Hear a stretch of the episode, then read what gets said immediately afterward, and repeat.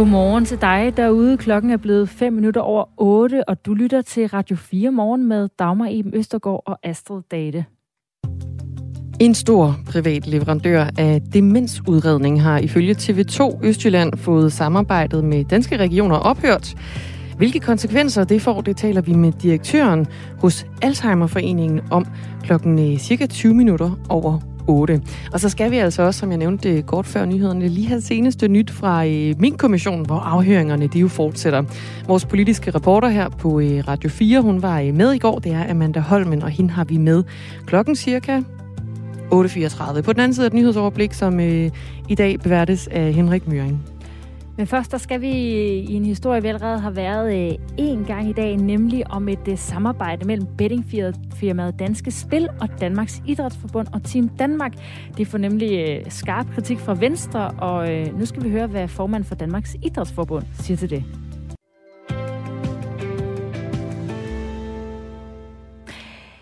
Et samarbejde mellem Danske Spil, Danmarks Idrætsforbund og Team Danmark skal nemlig øh, nu skabe en øh, kommersiel platform, som de selv siger, som skal styrke breddeidrætten i Danmark. Men øh, selvom det måske lyder ja, meget fint, så øh, har det altså fået øh, kritik fra Venstre. Tidligere på morgen, der talte vi med Europaparlamentariker Søren Gade, og han bruger udtrykket moralsk anløbende om samarbejdet. Lad os lige starte med et klip her. Når jeg kalder det moralsk anløbende, så er det fordi, at skatteborgerne de betaler penge til øh, Dansk Idrætsforbund og til Team Danmark, og øh, nu går de ud og laver en aftale, hvor de med statsgaranti kommer til at skabe nogle problemer for unge mennesker og familier i Danmark. Så hvis de synes, det er så god en aftale, at de har så godt et produkt i Team Danmark og i Dansk Idrætsforbund, så kunne vi jo passende tage de statstilskud, de får, og fjerne dem. Så kan de selv tjene deres penge, og så kan vi jo som skatteborger så bruge de penge på at redde de familier og de individer, som bliver ludomaner af, at man nu igen skal have flere bettingreklamer i fjernsynet alle steder. Ja, de problemer, som Gade henviser til, det er altså, at man kommer til at reklamere for, for bette og på den måde skabe mere betting blandt unge. Hans Nartop, du er så formand i Danmarks Idrætsforbund. Godmorgen. Godmorgen. Hvorfor falder øh, valget på danske spil til at indgå det her øh, samarbejde? Danske Spil er en øh, helt naturlig samarbejder for, øh, for idrætten og, og kulturlivet i en bred forstand. Det er jo Danske Spil, der gennem deres overskud øh, bidrager med de penge, som bliver uddelt til idrætten og kulturlivet gennem udlodningsloven. Så vi har jo i forvejen et, et, i, i Danmark et, et tæt samarbejde og afhængighedsforhold med, med Danske Spil i forhold til at finansiere alt det, vi går og gør. Øhm, og så synes vi faktisk, at det er fint på, på spilområdet, at øh, synliggøre det samarbejde og læne sig op af en, en statslig organisation, som er den ordentlige i klassen og gør tingene ordentligt. Vi må jo også erkende, at, at spil er noget, som, som findes, og øh, det kan næppe være, være idrætten og kulturen alene, der kan, der kan løse alle de udfordringer, der er omkring, omkring spil og adfærd der. Og der vil øh, Søren Gade så sige, jamen skal, skal I også være med til at udbrede det potentielt? Altså han mener jo, at det her det har nogle øh, negative konsekvenser i forhold til, at unge bliver opmærksom på, at danske spil findes, og at man kan bette. Altså hvilke, hvilke overvejelser har I gjort jer i forhold til at lave et partnerskab med netop danske spil?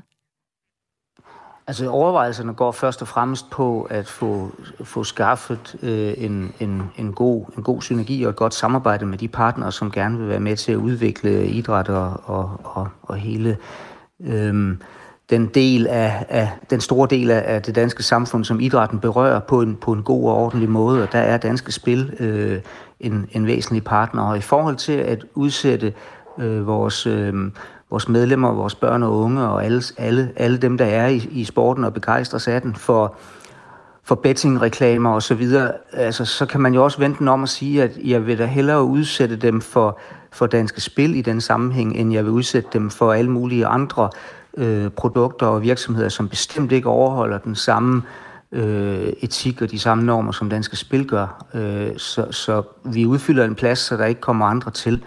Øh, så jeg, jeg synes, det er et helt fornuftigt samarbejde i den her scene. Altså i den her scene kunne I vel også vælge nogen, der slet ikke var et bettingfirma? Ja, det kunne vi selvfølgelig, øh, og det gør vi jo også. Øh, men betting eksisterer, betting er der, spil er der. Og øh, i, den, i, i, i det perspektiv vil jeg da så til enhver tid foretrække, at øh, vi så har danske spil som dem, der tager pladsen, frem for øh, for bettingvirksomheder, som ikke er reguleret eller overvåget på samme måde, som danske spil er. Og dem findes der jo mange af, og der er rig adgang til dem fra internettet og alle mulige andre steder. Så jeg vil hellere have, at danske spil udfylder og tager den plads. Danske spil er en, en meget kompetent og ordentlig virksomhed, som har et højt, en høj etisk standard på de områder her. Men kan du forstå, at Søren Gade så undrer sig over, hvorfor så ikke bare tage et andet altså netop, hvor, hvorfor overhovedet så gå med, altså nu siger du, det er bedre end at tage nogle af de, de, de bettingfirmaer, der ikke følger reglerne, men igen, hvorfor overhovedet, altså kan du forstå bekymring i, Nå, eller sådan? Nå, men jeg kunne, vi, vi kunne aldrig finde på at indgå et samarbejde med, med et, et bettingfirma, der ikke netop lever op til det, som danske spil gør. Og øh, det, er, det er jo med det perspektiv at gå ind og fylde rummet ud, så andre ikke går ind og tager rummet. Det behøver ikke være os, der fylder det ud, jo. Det er til stede. Så derfor er det vigtigt for os i den sammenhæng her også at gøre opmærksom på, at Danske Spil er faktisk den ordentlige partner i det her. Og spil er noget, som nu engang eksisterer og er en integreret del af, af, af den af den dagligdag, som, som mange mennesker har, og, øh, og uden at det skal gøres til noget som helst problem. Øh, og derfor så er det helt fornuftigt og, og vigtigt at vise, at Danske Spil er den ordentlige partner her, og en god partner. Det her samarbejde det er indgået via Sport One Danmark, der altså varetager Team Danmark og Dansk Idrætsforbunds kommercielle interesser. Og partnerskabet det omfatter blandt andet kåring af årets idrætsforening. Det omfatter DM-ugen og så også øh, vinter i Beijing, der jo er i februar næste år. Og den her aftale mellem øh, Team Danmark og Dansk Idrætsforbund og Danske Spil, den løber frem til udgang af februar i 2023. Og den giver idrætten et millionbeløb udover det, jeg ramser op her, hvad indebærer et partnerskab så helt konkret, Hans Nartop? Jamen et partnerskab indgår, eller, eller betyder jo, at øh, vi, vi sammen går ind og, og kigger på, hvordan vi kan, øh, hvordan vi kan få, få danske spil øh, ind i bevidstheden hos, hos de øh, mennesker, som går ud og kigger efter muligheder for at spille. Vi vil langt hellere have, at de tager fat i danske spil, end de tager fat i uregulerede bettingfirmaer og andet ude på internettet. Vi vil gerne have, at de tager fat der, hvor der er en ordentlighed og en høj etik omkring det at spille på sport. Og det, det må vi jo bare erkende, at det findes. Det findes worldwide, og øh, det er der uanset om vi nu øh, har danske spil eller ej, så har vi heldigvis danske spil. Og derfor synes jeg, det er helt fornuftigt og vigtigt at gå ind og gøre opmærksom på, at Danske Spil er den ordentlige partner her. Men det er jo ikke alle, der bare automatisk spiller. Altså det her med at komme ind i bevidstheden. Jeg forstår godt argumentet om, at danske spil er reguleret og bedre spil der end hos nogle uregulerede bettingfirmaer. Men der er måske en masse unge, der slet ikke skulle have betting og spil ind på bevidstheden. Altså hvorfor overhovedet være en brik i det? Med at få et bettingfirma ind i bevidstheden på nu, unge? Nu, nu, er, nu er Danske Spil jo heller ikke en, en virksomhed, som massivt går ud og reklamerer med øh, deres produkt i alle sammenhænge. De er faktisk ret restriktive i forhold til, hvornår de gør det og, og hvad de reklamerer med. Netop også ud fra den, fra den filosofi, at øh, det her det er ikke et spørgsmål om at fremme øh, en, en dårlig adfærd omkring spil. Det her det er at gøre opmærksom på, at den gode, den gode, det gode valg i forhold til at gå ind og spille på, på sport, som der er rigtig mange mennesker, der gør, øhm, det er med danske spil. Men det at gå ind og lave et massivt reklametryk på de tidspunkter, hvor sporten bliver eksponeret, det er jo ikke det, vi taler om her. Det er et spørgsmål om at sørge for, at danske spil er til stede som det, for, som det fornuftige valg hos de mennesker, som går ind og ønsker at spille på sport. Hvorfor er det jeres ansvar at sikre, at unge tager det fornuftige bettingvalg?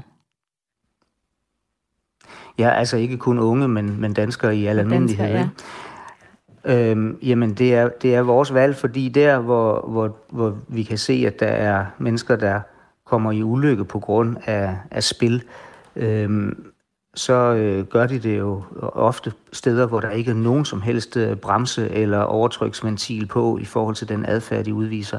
Og der, har dansk, der tager danske spil et udvidet ansvar i forhold til alle andre udenlandske bettingfirmaer, der på ingen måde er underlagt de samme regler og restriktioner og, og egen etik, som danske spil er. Altså hvis man gerne vil hjælpe, altså hvis man gerne vil, vil, vil hjælpe, skulle jeg sige, i forhold til, at der ikke kommer spil og ludomani og så videre, at, at, at unge og danskere tager de rigtige valg, skulle I så ikke have samarbejdet med en, en organisation, der arbejder mod ludomani, for eksempel?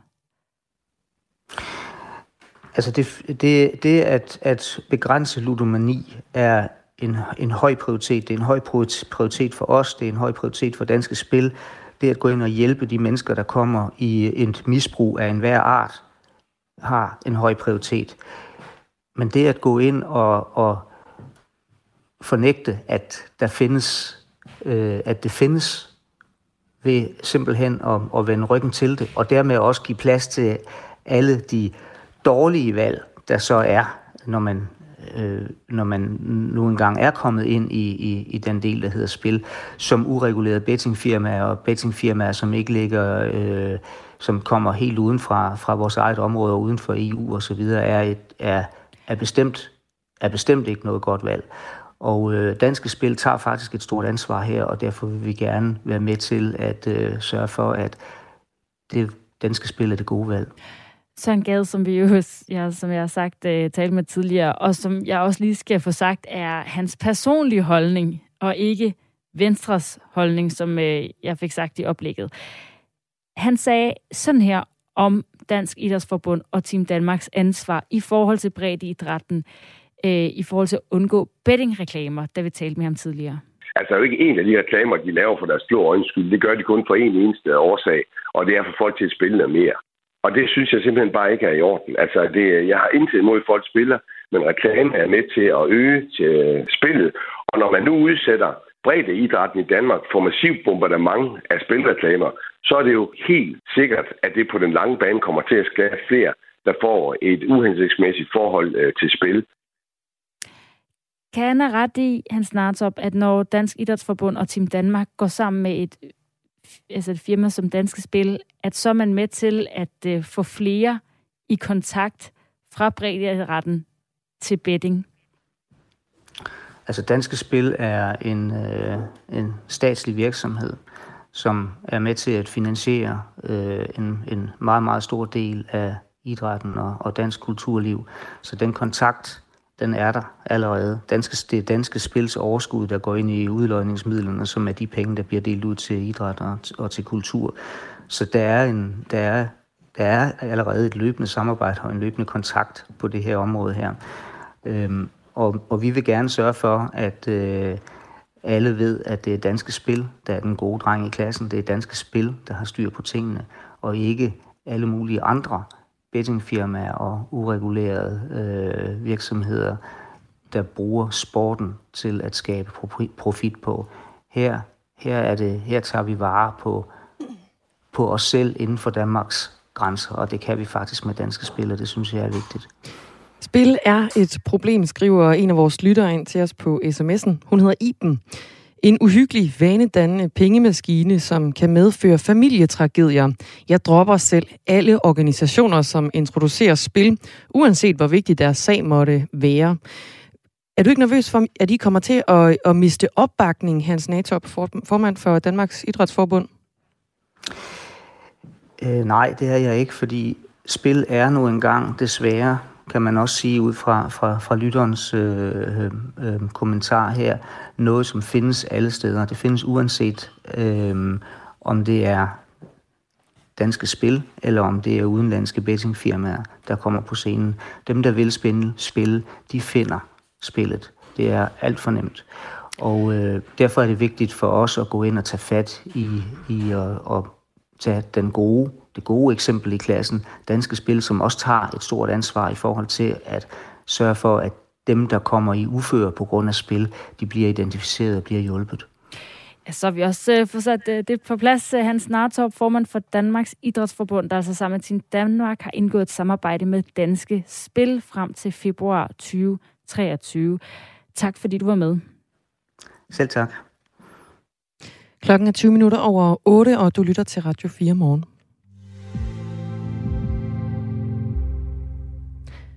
Den private leverandør af demensudredning, Demensudredning Danmark, er ikke længere på kontrakt med danske regioner.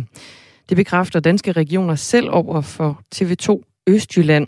Og baggrunden forbrudet. Det er en gennemgang af virksomhedens udredning af patienter, som ikke flugtede med Sundhedsstyrelsens retningslinjer.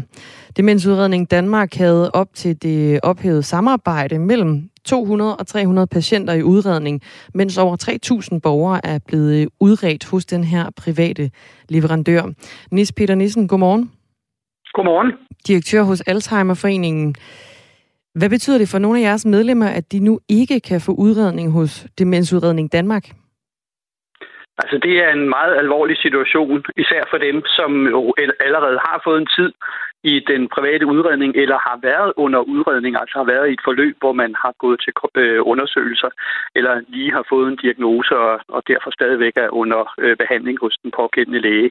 De står jo nu, så at sige, på barbund og skal finde øh, et nyt mulighed og øh, det er ganske alvorligt midt i et udredningsforløb at skulle skifte hest. Så, så det tager vi med allerstørste alvor, og vi appellerer til, at øh, regionernes øh, sygehuse, altså de offentlige udredningssteder, at de udviser den aller yderste fleksibilitet for at prøve at få sluset de her patienter ind øh, til et normalt forløb i udredningen. Ja, hvad, hvad er det for nogle øh, patientgrupper, det går ud over det her? Jamen, det går jo ud over dem, som øh, enten har en mistanke om, at de har en alvorlig demenssygdom, og man skal jo huske på, at demenssygdom er en af de mest alvorlige og dødelige sygdomme, vi har i Danmark, så de skal selvfølgelig udredes så hurtigt det kan lade sig gøre. Øh, og der, det drejer sig om en, en 50-60 personer, der er under udredning i, øhm, øh, hvad hedder det, demensudredning, altså den private udredning i Danmark. Øh, og det er folk med mistanke om demenssygdom, eller også er det personer, som har netop fået konstateret en demenssygdom, og derfor i gang sætte den behandling, man, man, man giver, og øh, de skal så finde en anden behandlende læge, og det er ganske alvorligt. Baggrunden for brudet med demensudredning Danmark handler ifølge danske regioner om, at virksomhedens udredning ikke skete i overensstemmelse med Sundhedsstyrelsens retningslinjer. Er du bekymret på vegne af de medlemmer, som har fået udredning hos dem?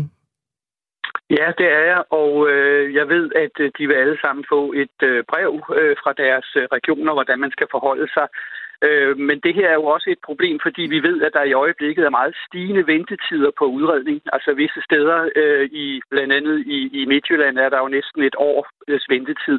Og øh, den private udredning i Danmark, den har normalt øh, omkring en tiende del af alle udredninger. Og de skal nu fremover sluses ind i den offentlige øh, udredning, som i forvejen er presset. Altså nogle steder er der, øh, i Sydjylland for eksempel, er der over et års ventetid. Der er også store ventetider i, øh, i, i Nordsjælland. Øh, og det bliver altså et kæmpe problem, at man skal gå og vente i øh, uge, ja måneds, måske endda overvis, før man kan komme til en udredning. Og øh, den øh, bold, den ligger simpelthen i Folketinget, fordi de penge, som Folketinget har afsat til at skulle øge kapaciteten af demensudredning, de udløber faktisk næste år. Øh, så, så det her det er en akut situation, som man også for allerøverst politiske hold bliver nødt til at håndtere, for ellers kommer der til at være alt, alt for mange mennesker, som skal vente urimeligt længe. Og man skal huske på, at, at folketingspolitikerne har besluttet, at der højst må gå fire uger fra, at du er blevet henvist fra en læge til, at udredningen begynder. Så vi har at gøre med noget, der i dag faktisk er ud over den kvalitet, som Folketinget har besluttet. Og det er simpelthen alvorligt bekymrende. Men er det ikke bedre, at man bryder med den her aftale med Demensudredning Danmark, når nu de ikke har, har udredt i overensstemmelse med Sundhedsstyrelsens retningslinjer? Jo. Er det ikke det vel den øh, rigtige vej frem så? Fuldstændig. Det er fuldstændig rigtigt, men så bliver vi også i det offentlige nødt til at sikre, at de patienter ikke øh, bliver kastebolde mellem øh, forskellige øh, politiske prioriteringer her. Det her det handler om, at der er mennesker, der som har fået en, en garanti på, at udredningen skal starte inden for fire uger. Og det er jo en garanti, som Folketinget har stillet. Så må Folketinget sørge for at skaffe de midler, sådan, så man kan sikre, at den garanti bliver opretholdt. Danske regioner opfordrer patienter eller pårørende, der bliver bekymrede, til at kontakte deres praktiserende læge for sådan en generel snak om, øh, om lige netop deres situation. Og patienter, der er blevet henvist, men endnu ikke har været til udredning hos Demensudredningen Danmark, vil blive visiteret øh, tilbage til deres region. Godt 90.000 danskere er i dag ramt af demens i en eller anden form. Nis Peter Nissen, formand for Alzheimerforeningen. Hvilke konsekvenser formoder du, at det her brud mellem Demensudredning Danmark og danske regioner, det kommer til at have for, for ventelisterne til udredning af demenspatienterne? Kan man sætte nogle konkrete tal på, hvor, hvor lang den kan blive? Altså, vi frygter jo, at den bliver endnu længere, end den er i dag. At den er allerede i dag alt, alt for lang. Nogle steder er den over et år, altså over øh, 50-60 uger. Det er simpelthen ikke i orden, øh, og, og det her det vil bare presse de offentlige øh, demensudredninger endnu mere, og derfor bliver vi nødt til fra politisk hold at sørge for, at, at øh, der bliver tilført flere midler, sådan så de her offentlige øh, demensudredninger, at de kan udrede flere. Ja, og i forbindelse med det her med at, at få tilført flere midler, der kan I jo vel godt spille en rolle. Altså, hvad bliver jeres rolle nu efter øh, samarbejdet med, med Demensudredning Danmark er ophørt? Altså, øh, vi vil fortsætte, det har vi gjort længe, vores øh, pres og vores forslag øh, til Folketinget her for ganske få uger siden, der var stod vi på Christiansborg og opfordrede til, at man faktisk fik gjort noget ved det her problem med udredningen. Vi har en demenshandlingsplan i Danmark. Den forudsatte, at vi skulle have forbedret udredningen. Det er slet ikke sket. Vi er også i det offentlige langt bagud i forhold til den plan, som man har stillet i forhold til de anbefalinger, Sundhedsstyrelsen har stillet op. Der er visse steder i Danmark, altså Sundhedsstyrelsen anbefaler, at man skal være have, have minimum 500 udredninger om året for at kunne sikre kvaliteten, og der er halvdelen af de udredninger, der foregår, det er altså også i det offentlige. Det er, der er man, udreder man færre end 100, altså kun en femtedel af den anbefaling, som Sundhedsstyrelsen kommer med. Så vi har store, store kvalitetsproblemer, også i den offentlige udredning. Og derfor er det helt afgørende, at politikerne lytter. Det var ikke kun Alzheimerforeningen, det var også en lang række andre organisationer, og det var fagpersoner, øh, og det var også øh, repræsentanter fra industrien, som sagde, at vi bliver simpelthen nødt til at få forbedre den her demensudredning og sætte flere midler af til at øge kapaciteten. Ellers vil vi slet ikke kunne, øh, øh skal vi sige, øh, stå øh, i mødekomme den meget stigende efterspørgsel, der vil være efter udredning. Det er sådan, så antallet af mennesker med demenssygdom, det vil stige ganske kraftigt. I nogle kommuner i Danmark, der vil der komme 20 procent flere mennesker med demenssygdom bare i næste valgperiode. Og det synes jeg også, at lokalpolitikerne skal øh, lytte til, og de skal også være med til at presse ind på Christiansborg, så vi får tilført flere midler til demensudredning. Sanis Peter Nissen, tak. Selv tak. Direktør i uh, Alzheimerforeningen som vi har med, fordi den her private leverandør, Demensudredning Danmark, øh, ikke længere er på en kontrakt med danske regioner. Det bekræfter de danske regioner selv over for TV2 Østjylland, og det frygter Alzheimerforeningen nu altså kommer til at betyde øh, lange ventelister hos, øh, hos det offentlige i forbindelse med øh, demensudredningen.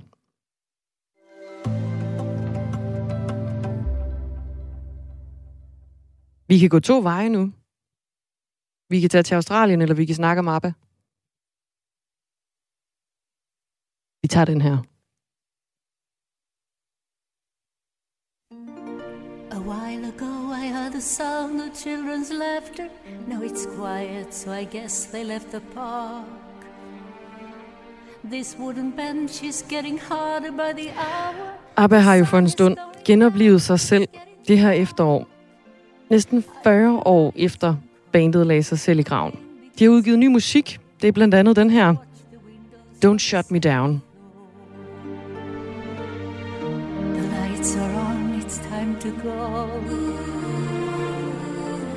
Er det til Magnus Heunicke?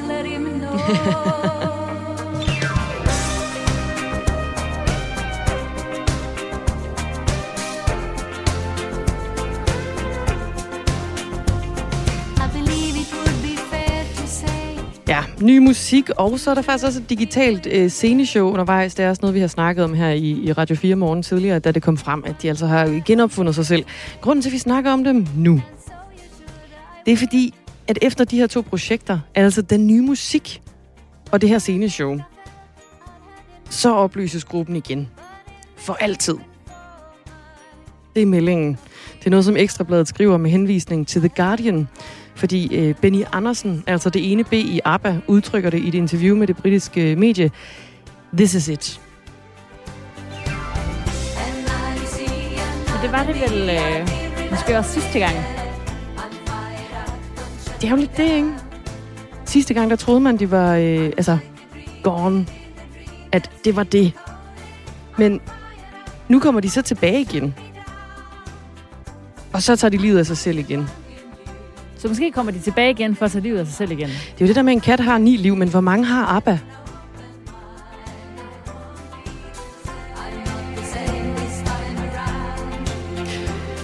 Og så kan man jo øhm, lægge det i det, hvad man vil, at det her nummer, en af deres nye, det hedder Don't Shut Me Down. Lad være med at lukke mig ned.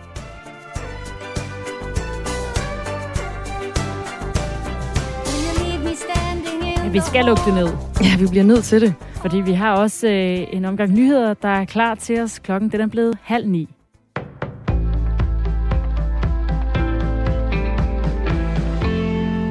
Venstres europaparlamentariker Søren Gade kritiserer danske spil- og idrætsorganisationer for at opfordre unge til at gamble. Det sker efter, at Danske Spil i går indgik et samarbejde med Danmarks Idrætsforbund og Team Danmark, fortæller Radio 4 morgen. Det går ud og animerer unge mennesker til at øh, spille. At det er jo en fuldstændig øh, vanvittig øh, samarbejde. Man kan nærmest kalde det moralsk anløben siger Søren Gade, som understreger, at han ikke udtaler sig på partiets vegne i sagen. Målet med samarbejdet er ifølge parterne selv at skabe en kommersiel platform, som kan styrke idrætten herhjemme. Man tager nu bredt idrætten, det vil sige de klubber, de tusindvis af klubber, der er i Danmark med tusindvis af frivillige, der hjælper øh, og træner unge mennesker i 10.000 af unge. De får nu proppet et bettingfirma ned i halsen, og uanset hvor flot de her ord de er, så handler det om én ting. Danske Spil går ikke ud og laver en aftale, så ikke det handler om at tjene nogle flere penge.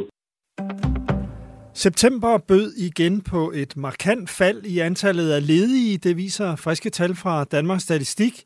Antallet af arbejdsløse faldt med 5.400 til 94.600 i forhold til august. Ikke blot betyder det, at antallet af ledige er under 100.000 for første gang i et årti. Med en ledighedsprocent på 3,3 betyder det også, at antallet af ledige ikke har været lavere siden 2009. Faldet i ledigheden var i september øh, gældende for alle aldersgrupper og jævnt fordelt over hele landet. Kulturminister Ane Halsbo Jørgensen har sovet i timen, når det gælder regulering af tech-giganter. Det sagde hun på en teknologikonference, skriver politikken. Meldingen kommer efter, at Facebook de seneste uger har været under massiv kritik for at lade skadeligt indhold finde sted på platformen uden at gribe ind – de massive skyggesider er kommet utroligt hurtigt, og jeg har totalt sovet i timen, siger ministeren. Vi har fået giganter, som er inde i hovedet på vores børn, som skader vores trivsel og polariserer vores samtale, siger Ane Halsbro Jørgensen til avisen. Hun fremhæver flere kedelige træk ved teknologien. Det gælder blandt andet, at algoritmen på Facebook og Instagram skubber brugerne i retning af hadefulde grupper eller grupper med misinformation. Derfor mener ministeren, at et indgreb mod Facebook er det vigtigste i en ny medieaftale. Folketingets partier har indgået en bred aftale om at afsætte knap 3 milliarder kroner til forskning i grøn omstilling, ny teknologi og sundhed. Det er den første delaftale på finansloven for næste år, oplyser Uddannelses- og Forskningsministeriet. Pengene går blandt andet til forskning i at fange og lære CO2 og grønnere brændstoffer til transport og industri. Det kan også være forskning i mere klimavenligt landbrug, siger Venstres forskningsordfører Ulla Tørnes til TV2. Med øh, aftalen her, der bidrager vi så til, at øh, landbruget får mulighed for at øh, finde, de, finde frem til de nye løsninger, som er forudsætningen for, at landbruget kan leve op til de reduktionsmål, som et bredt flertal i Folketinget har pålagt landbruget. Endnu en lun efterårsdag med en del sol er på vej, 12-15 grader og let til frisk vind omkring syd. I aften og i nat tørt og ret klart, men i de vestlige egne efterhånden mere skyde og stedvis regn. Temperaturen falder til mellem 5 og 10 grader.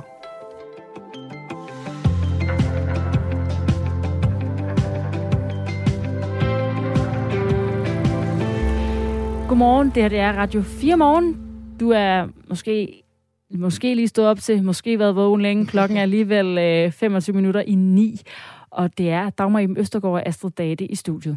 Ja, og i dag der fortsætter afhøringerne i min kommissionen. Kommissionen skal undersøge jo og redegøre for beslutningsprocessen i forbindelse med aflivningen af alle mink i Danmark i november sidste år. Det var jo noget, der øh, viste sig, der ikke var lovhjemmel til. De seneste dage der er det især i manglende sms'er fra statsminister Mette Frederiksen og tre topembedsmænd i statsministeriet, der har fyldt i forbindelse med kommissionens arbejde. Fordi Mette Frederiksen og embedsmændenes telefoner de er sat til at slette sms'er efter 30 dage, har det lyttet. Amanda Holmen er politisk reporter her på øh, Radio 4 og følger min kommission. Du var med i går i øh, retten på Frederiksberg. Godmorgen var jeg nemlig, og det var en lang dag i går i retten i Frederiksberg. En del ting af dem, som er det, vi allerede vidste i i offentligheden gik igen i går i retten. Det kom blandt andet frem, at en kontorchef i Sundhedsministeriet altså var opmærksom på, at der ikke var hjemmel i lovgivningen i epidemiloven til at aflive raske mink. Det har tidligere været fremme af flere embedsmænd i Fødevareministeriet var opmærksom på, at der manglede lovhjemmel inden for deres område. Man kan lidt sige, at i går blev det helt klart, at de her to ministerier forud for, at det blev meldt ud på pressemødet den 4. november sidste år, at alle mink de skulle aflives. Lidt sådan havde skubbet ansvaret rundt mellem sig. Det er jo sådan, at Sundhedsministeriet de har ansvaret for epidemiloven, og Fødevareministeriet de har ansvaret for lov om hold af dyr. Og Sundhedsministeriet de, de mente altså ikke, at epidemiloven kunne bruges til at aflive alle mink, og de pegede på loven om hold af dyr. Og Fødevareministeriet de mente altså ikke, at loven om hold af dyr kunne bruges, og de pegede på epidemiloven. Så det fik vi ligesom et, et, et lidt skarpere indblik i i går i retten. Men det er egentlig ikke så overraskende det her med, at embedsværket godt vidste, at der ikke var hjemmel i øh, lovgivningen. Det store spørgsmål det har været, om ministerne fik det at vide på det her afgørende møde, der var dagen inden det blev meldt ud på pressemødet, altså den 4. november. Der var et afgørende møde i det, der hedder øh, K-udvalget, koordinationsudvalget, om aftenen den 3. november, hvor beslutningen blev truffet. Og spørgsmålet er, om ministerne fik det at vide på det tidspunkt. Det har i hvert fald været et af de store spørgsmål, men det står i hvert fald fuldstændig klart, at embedsværket de havde ekstremt travlt i dagene op til. Så hvad, hvad var det mest afgørende, der kom frem i går, Amanda Holmen? Der kom jo tydeligvis meget frem. Jamen, der kom nemlig rigtig mange ting frem, men man kan sige, at det helt store spørgsmål har jo været, blev ministerne klædt på? Altså, vidste de, at der ikke var lovhjemmel, fik de det at vide i går på, øh, på øh, koordinationsudvalgsmødet. Og i går var der især fokus på to bilag, som er blevet beskrevet som ret centrale, fordi der bliver i begge bilag rejst spørgsmål om, hvorvidt der egentlig er lovhjemmel, hvorvidt der egentlig var lovhjemmel til at aflive øh, aflive raske mink. Der blev blandt andet kigget på det her med, om, øh, om der var lovhjemmel til fuldstændig helt at afvikle minkerhvervet, og om der var lovhjemmel til at lægge minkerhvervet i dvale, som det hedder. Og begge bilag, der blev altså sået tvivl om, hvorvidt der var lovhjemmel. Men de her to bilag, de blev altså først færdige seks minutter inden det her møde i koordinationsudvalget. Det er sådan, at der var møde der den 3. november kl. 21.30, og seks minutter inden kl. 21.30, der blev de her bilag altså færdige, så hverken sundhedsminister Magnus Heunicke eller erhvervsminister Simon Kollerup nåede at blive klædt på af deres embedsmænd, lød det i retten i går, i forhold til, hvad der faktisk stod i de her papirer. Og så var der ovenikøbet også printerproblemer i Sundhedsministeriet, så Magnus Heunicke, han fik faktisk først de her ret centrale bilag, som de er blevet beskrevet efter mødet i K-udvalget, var gået i gang. Og så kom det altså også frem i går, fordi øh, ham, der er departementschef i Erhvervsministeriet, blev afhørt, og han var med på det her møde, og han sagde, diskussionen om, hvorvidt der var hjemmel til at aflive mink i lovgivningen, det blev slet ikke taget op på det her møde. Det har vi også hørt før. Altså han sagde, det blev ikke taget op, men regner med, når ting når hertil, så ved de enkelte ministre, at der er hjemmel i lovgivningen. Så det blev ikke diskuteret, og det var ikke mærkeligt, lød det fra ham. Altså, det er jo mange, og det er jo også mange, øh, det er mange tekniske spørgsmål, fordi det handler om, øh, hvem vidste hvad, hvornår øh, i, mm. i denne her sag, ikke? Altså, øh, og du var altså med på, på øh, vi har, der er jo mange møder i den her minkkommission, og du var med på det i går. Altså, hvis du nu skulle pege noget ud, altså, var der noget, fordi nu har vi fået meget at vide, men var, var der noget, der var særligt afslørende i, i går? Altså, ny viden, vi fik frem?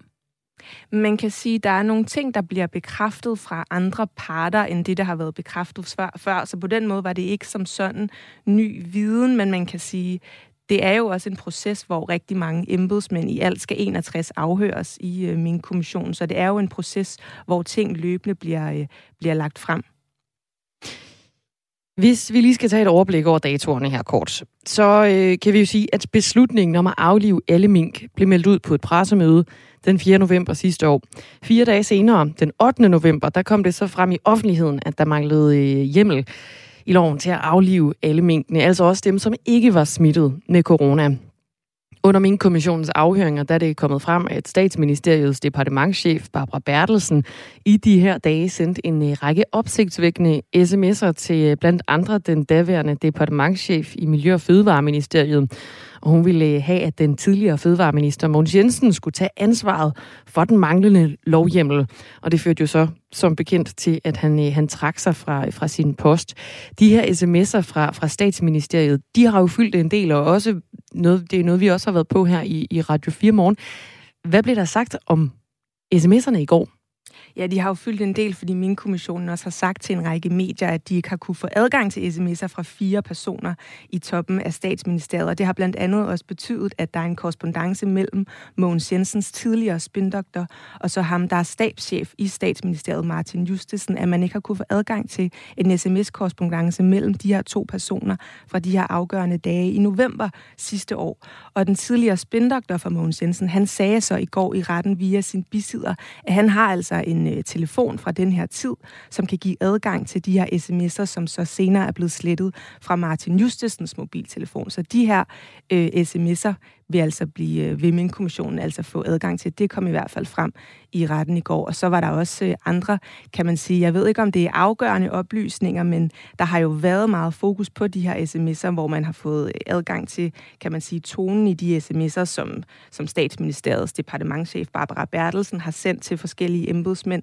Men i går fik vi også lidt, kan man sige, et indblik i, hvordan andre i regeringstoppen har kommunikeret i de her meget afgørende dage. For eksempel kom der en mail frem fra erhvervsminister Simon Kollerup, som han sendte til, til sin øh, departementchef om aftenen der den 8. november, hvor det var kommet frem i offentligheden, at der altså ikke var lovhjemmel til at aflive alle mink. Han linkede til en artikel øh, fra DRDK om, at der manglede øh, lovhjemmel i, til at aflive alle mink, og han skriver, jeg citerer, ja. her skal Miljø- og Fødevareministeriet altså ud og sige noget. Det er giftigt, at have kørende derude. Og giftigt, det står altså med caps lock. Og det er jo ikke en afgørende mail, men fordi det er jo ikke så overraskende, at det, de af regeringen tænkte, det var giftigt, men det er altså bare et interessant indblik i, hvordan øh, en minister har kommunikeret til sin, øh, sin departementchef i, øh, i de her dage.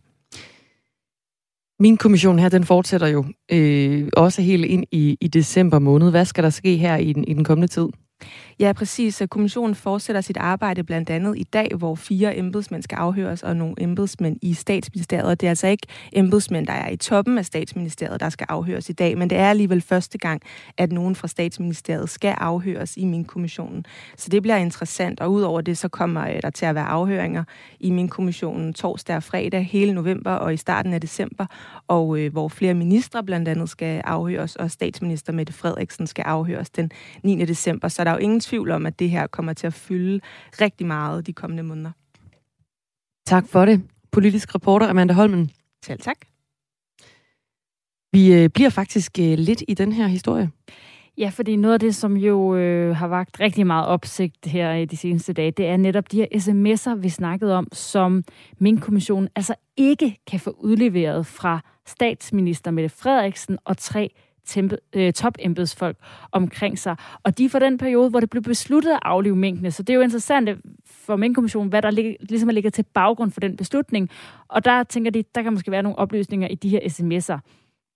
Men som i øvrigt også øh, skal journaliseres, som øh, man skal også lige skal sige, at øh, de er underlagt det, der hedder journaliseringspligten, der betyder, at øh, en forvaltningsmyndighed som ministeriet, de skal gemme og arkivere alle dokumenter, mails, sms'er, der har betydning for, hvorfor myndigheden beslutter og handler, som den gør.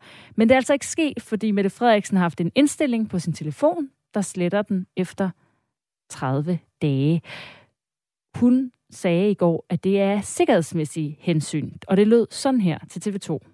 Altså, jeg er blevet rådgivet uh, i statsministeriet af sikkerhedshensyn til at have en automatisk sletning af sms'er, uh, og den rådgivning har jeg valgt at efterleve. Men den forklaring, det er ikke alle, der køber den. Blandt andet er dig, Jan Jarlbæk. Du er sikkerhedsrådgiver. Godmorgen. Godmorgen. Hvorfor er den her forklaring med, at det er af sikkerhedshensyn, at statsministeren har slettet sms'erne? Hvorfor er den ikke god nok? Jamen, øh, det, det er simpelthen ikke et spørgsmål, om den er god nok. Det er et spørgsmål, om den er plausibel. Øh, og, det, og det er den sådan set ikke, fordi der er ikke nogen sikkerhedsmæssige hensyn, der, øh, hvad hedder det, øh, der ligesom tilskriver, at, at man skal slette sine data. Der kan være noget persondatalovgivningsmæssigt, for nu at tage et nemt ord at arbejde med, der gør, at man skal slette det. Men jeg tvivler meget stærkt på, at det her det er personhenførbare data, der er tale om. Så, så derfor, at se i det lys, så der er ikke noget, øh, der gør sig gældende i en sikkerhedsmæssig sammenhæng øh, til, at man skulle slette sin, øh, sin sms-beskeder. Hvorfor kunne statsministeriet så have rådgivet hende til at slette det af sikkerhedshensyn? Ja, det, det, det vil jo være spekulation fra min side, det, det, det kan jeg simpelthen ikke svare dig på. Øh, fordi det, igen, øh, det vil være svært for mig at opdage, hvad, hvad det kan være af sikkerhedsmæssige hensyn. Der kan være nogle andre hensyn, der gør sig gældende i forhold til at slette de her ting her. Øh, men, men igen, det vil være spekulation fra min side, fordi vi kan jo heller ikke få at vide, hvornår den her funktion er aktiveret. Øh, og, og der må mit bedste bud være, at i forbindelse med, at man tiltræder en så vigtig post som statsministeriet, øh, der vil man få i sin briefing at vide, her har du en telefon, det er en tjenestetelefon, den er sat op sådan og sådan, øh, hvad enten det er krypteret eller ikke krypteret, eller hvad det nu måtte være. Men den telefon, du går jo ikke bare ind i statsministeriet og bruger din egen telefon, du får en tjenestetelefon, og den er så formentlig, går jeg ud fra, så af folk, der har forstand på det sikkerhedsmæssige i den sammenhæng. Så du mener, at telefonen i sig selv sandsynligvis øh, altså er sikker i sin, i sin brug? Ja, det vil den være. Øh, det, det, altså, det, det kan jeg ikke andet end være helt sikker på, øh, hvad hedder det, at, at man øh, enten fra PT eller fra ministeriets øh, kontor øh, øh for sikkerhed, hvad det er, de har rendet der, at, at man der har sat telefonen op, så den øh, efterlever alle de forskrifter, der måtte være, når man, når man sidder så vigtigt på som statsministeriet. Men sms'erne, der kom på den her telefon, forklarede statsministeren altså, øh, at både fra hende og hendes embedsfolks øh, telefoner, de er blevet slettet automatisk efter 30 dage. Og de øh, øh, skulle ellers være med til at opklare hændelsesforløbet omkring, hvem som vidste hvad, hvornår i øh, sagen om øh, aflivning af mink fra sidste år. Hvis ikke det giver mening øh, i den her sag af sikkerhedshensyn, Jan Jarlbæk, hvornår giver det så mening at slette sine sms'er? Jamen, altså, det, det her, det er jo, øh, det er jo om man så må sige, en, en efterforskers både drøm at få sådan en sag som den her, fordi der er så mange ting, der skriger til himlen i forhold til, hvorfor de her ting er blevet slettet. Mit, i, min, i, min, I mit gamle liv øh, som efterforsker på rejseholdet, der vil jeg jo sige, det her, der er et eller andet, der, der, der, der uler i mosen her. Øh, hvorfor sletter man nogle ting, øh, som er så vigtige i en opklaringssammenhæng eller en forståelseskontekst, øh, at, at at man ligesom siger, jeg, jeg øh, fritager mig selv fra ansvar, øh, og jeg sletter, alt, jeg sletter alle mine spor. Øh, det kan ikke andet end i min optik være et tegn på, at der er uler i mosen. Altså, så du tænker, sådan en sag her, øh, en stor beslutning, man vælger at aflive alle danske mink, at der giver det mening som udgangspunkt at gemme sine sms'er? Jamen, det vil det jo gøre. Øh, og, og nu kommer man ind på noget, nu kommer jeg ind på noget forvaltningsret, som jeg ikke har forstand på. Men, men, men hvad hedder det, som udgangspunkt, som statsminister og som embedsmand, så har du en tjenestetelefon. Den tjenestetelefon bliver brugt til at kommunikere nogle beslutninger frem og tilbage. Og det kan ikke, øh, det kan ikke være anderledes, tror jeg, øh, vil mit bedste bud være, at der er den her journaliseringspligt, som, som vi talte om før. Øh, og det er den, man ligesom omgår ved at slette de her ting her. Der er ikke noget altså i ordets egentlige forstand sikkerhedsmæssigt øh, til grund for at slette sine sms-beskeder. Altså der, med mindre, øh, hvad hedder det, øh, jeg, kan, jeg har slet ikke fantasi til at forestille mig, hvad, hvad det skulle være, der, der ligger til grund for at slette sms-beskeden. Øh, lad os nu sige, at der kommer en trussel af den ene eller anden art mod, mod en minister eller en embedsmand, så har man jo netop en interesse i at gemme det. Øh, og derfor må man også i folkestyrets interesse have øh, et krav om, at de her ting de ikke bliver slettet i tid og utid. Men øh, de blev altså slettet ret præcist hver 30. dag på Mette Frederiksens TV2, og øh, ikke TV2, telefon. Men til TV2, der, de spurgte i går, hvor længe hun har haft den her indstilling på sin telefon. Og svaret det lød sådan her. Jeg har ikke mulighed for at gå ind i øh, så konkrete og tekniske spørgsmål, og der foregår masser af ting omkring min telefon, som jeg ikke selv er involveret i som statsminister, så det har, jeg, jeg har ikke mulighed for at gå ind i de tekniske spørgsmål. Du var jo lidt inde på den her øh, officielle arbejdstelefon, hun får i øh, statsministeriet. Men er det her et teknisk spørgsmål, Jan Jarlbæk? Nej, det synes jeg egentlig ikke, det er. Øh, det er det i sin grundlæggende form, fordi der, du skal helt konkret ind i telefonen og sætte opsætningen på en måde, som gør den slet efter de her 30 dage her.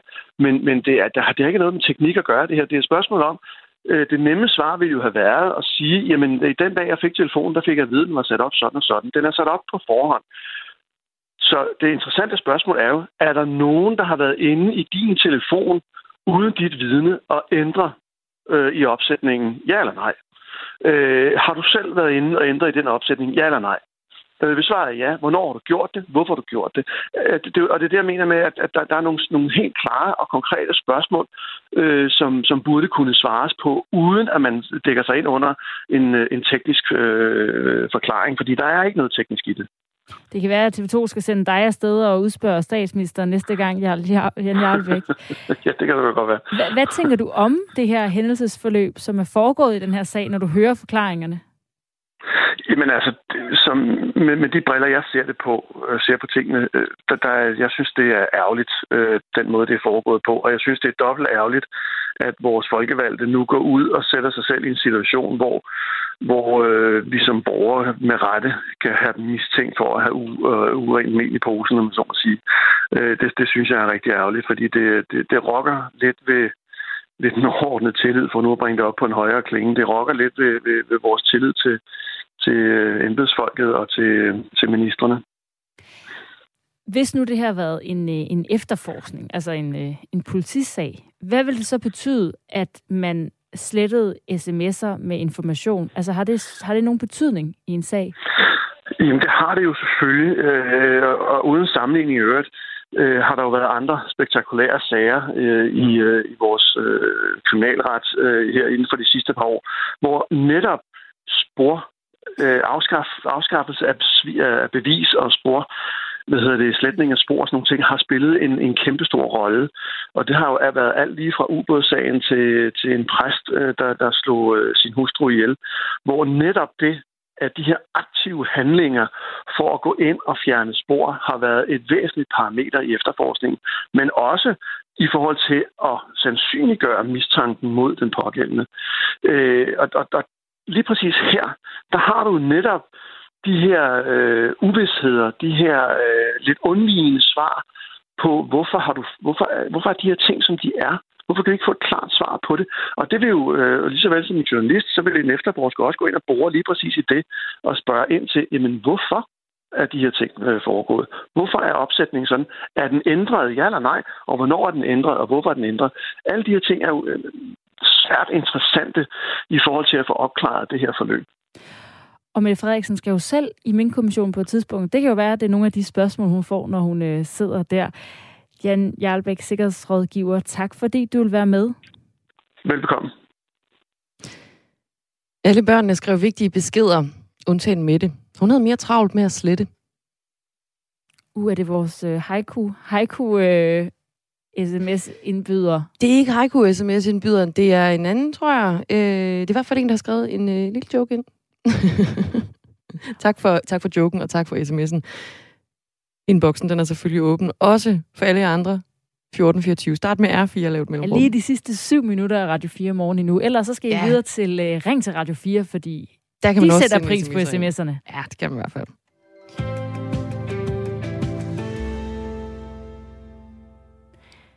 Facebook skifter navn og kommer fremover til at hedde Meta. Sådan lød det i går fra firmaets ejer Mark Zuckerberg og under øh, Facebooks Connect Conference, en stor virtuel konference. Men det er altså kun øh, selskabet bag Facebook, der skifter navn. Selve appen og hjemmesiden Facebook kommer til at fortsætte under det samme navn, altså Facebook. Tidligere på morgenen her i Radio 4 Morgen, der talte vi med Astrid Haug, som er selvstændig rådgiver og ekspert i sociale medier. Og hun synes, det giver god mening at rebrande det her sådan lidt stormombruste Facebook efter en øh, række møgsager at det er i hvert fald svært ikke at, øh, at få den tanke, at øh, der ligger en kæmpe bunke problemer herover, og dem er Mark Zuckerberg ved at være rigtig godt træt af at skulle forholde sig til. Øhm, og, øh, og hvis man kun fokuserer på de her problemer, og man skal ind og stå skoleret foran de amerikanske senatorer osv., øh, så, så kan det jo være svært at udvikle virksomheden. Så på den måde giver det sådan set forretningsmæssigt god mening, at han ligesom prøver at skabe en ny fortælling, et nyt perspektiv. Problemet er bare, at, at, at de udfordringer, der er i, i det gamle øh, Facebook, de forsvinder jo ikke, og man kunne også godt forestille sig, at nogle af dem, øh, de, vil, de vil følge med over i det her øh, nye univers. Men i forhold til navnet, så, så er, altså Facebook i dag ejer jo både Facebook, Instagram, WhatsApp og så det her øh, VR-univers, øh, Oculus. Øh, og det er forvirrende, når man skal omtale Facebook, så derfor kan det godt give mening, at man har det her sådan øh, øh, overordnet navn for virksomheden, øh, der så nu hedder Meta. Ja, det nye navn Meta, det blev introduceret sammen med en uh, virtual reality platform, der bliver kaldet Metaverse. Og det kommer altså ifølge Astrid Haug formentlig til at bestå af en rusjetur mellem flere forskellige apps. Man kan jo godt komme ind i faktisk en sådan slags, i hvert fald den her, det her VR-univers, øh, som Facebook øh, har, har allerede har skabt en lille smule. Men når Mark Zuckerberg fortæller om det, så fortæller han især, at han er meget optaget af, at vi skal sådan kunne teleportere os rundt. Øh, og i virkeligheden så forestiller man lidt, øh, også som det er lidt i dag, deres, øh, deres VR-univers, altså der er nogle forskellige apps, man ligesom kan øh, altså, hente ned og, og bevæge sig i. Så der kan være en møde-app, der kan være en gaming-app, der kan være en shoppe-app osv. Alt det, vi gør i, i livet, alt det, vi gør online, og måske mere til, det vil der selvfølgelig være sådan nogle virtuelle apps for. Og så skal du sådan egentlig kunne blive inde i det her univers øh, og bevæge dig rundt i nogle forskellige apps i princippet. Netop VR-briller, altså virtual reality reality-briller skal ifølge ejer Mark Zuckerberg være en af elementerne i øh, det her nye metaverse. Og med mange nuværende Facebook-brugere vil man ifølge Astrid Haug sikkert øh, forsøge at skubbe brugerne i virtual reality-retningen. Der er nogle andre ud over Facebook, altså både Microsoft og Apple arbejder også på de her VR-briller, men de har jo ikke gjort det til det centrale i deres fremtidige forretning. Øh, og, og Zuckerberg, der har jo lagt sådan en, en kort video ud, øhm, hvor, hvor han ligesom siger, at fremover så er det ikke Facebook først, men det er Metaverse først. Hvor man bliver sådan lidt, wow, altså der, altså, der er brugerne jo slet ikke nu. Fordelen for Facebook er selvfølgelig, at de har de her 3 milliarder brugere, så hvis de gerne vil lave en udvikling, så kan de jo sådan ret massivt prøve at skubbe folk i den retning. Så spørgsmålet er, om de kan skabe den her efterspørgsel. Altså om de simpelthen er store nok til ligesom at, ja, øh, at skubbe på den her udvikling. Men om vi alle sammen kommer til at vende os øh, hurtigt til Facebooks nye vision, det tvivler Astrid Haug på. Det kræver tid og flere attraktive tilbud, understreger hun. Det er svært, fordi det er jo også lidt i forhold til der, hvor teknologien er i dag. Man skal ikke sidde så lang tid i sådan et VR-univers, før man bliver sådan lidt svimmel eller, eller lidt utilpas faktisk. Øh, for sådan, øh, for nogle, nogle, nogle udfordringer med det. Og det kan jo nå at ændre sig, det kan jo nå at blive, blive meget bedre. Øh, men, men jeg tror i hvert fald, øh, der er andre end mig, der stadig har sådan lidt, at der skal stadig nogle flere ting til, før det her det er noget, hvor man siger, at, øh, at, at sådan har man lyst til også at, at, at, at leve. Og det var altså Astrid Haug, der er selvstændig rådgiver og ekspert i sociale medier, som vi talte med tidligere på morgen i forbindelse med Facebooks navneskifte. Og det er altså firmaet bag, skal vi måske lige understrege. Facebook kommer stadigvæk til at have Facebook på dine øh, telefoner på hjemmesiden, men dem, der ejer Facebook og ejer Instagram og ejer Messenger og WhatsApp, de kommer fremover til at hedde Meta. Meta står i direkte sammenfald med begrebet metadata, altså vi skal vide alting. Det er da ret interessant, at giganten så direkte udtrykker hensigten. Godmorgen, skriver Kim.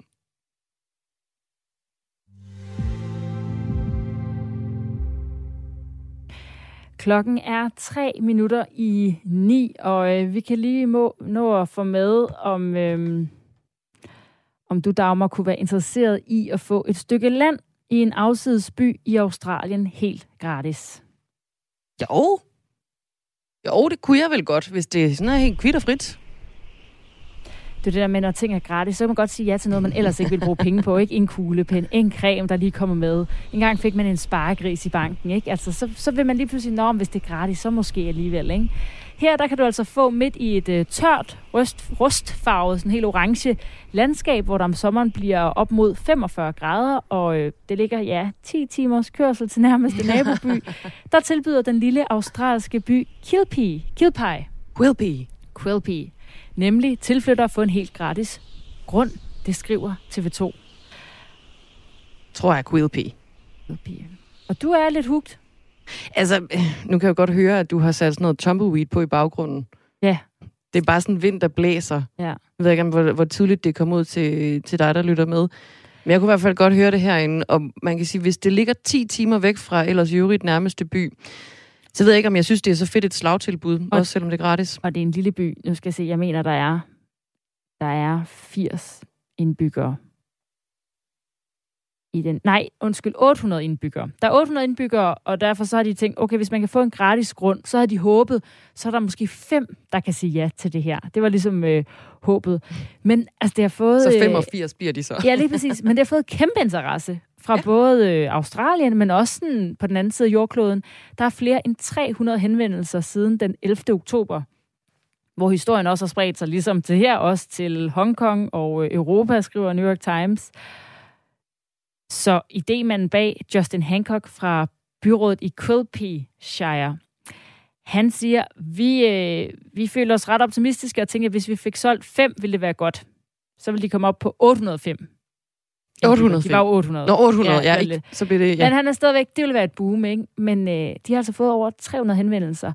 Og det skal lige siges, hvis man nu er interesseret derude, man skal starte med at betale 12.500 australske dollars, 60.000 danske kroner, for en grund på 1000 kvadratmeter. Men hvis man så bygger et hus, bor der i 6 måneder, så kan man få en godtgørelse og altså få pengene tilbage igen. Så på den måde, så ender grunden med at være gratis. Penge ud, penge ind. Skal og du være nummer måde 6? at tiltrække nye borgere på. Ja. Skal du være nummer 806? Nej, nej, det skal jeg faktisk ikke. Klokken er 9. Nu er der nyheder her på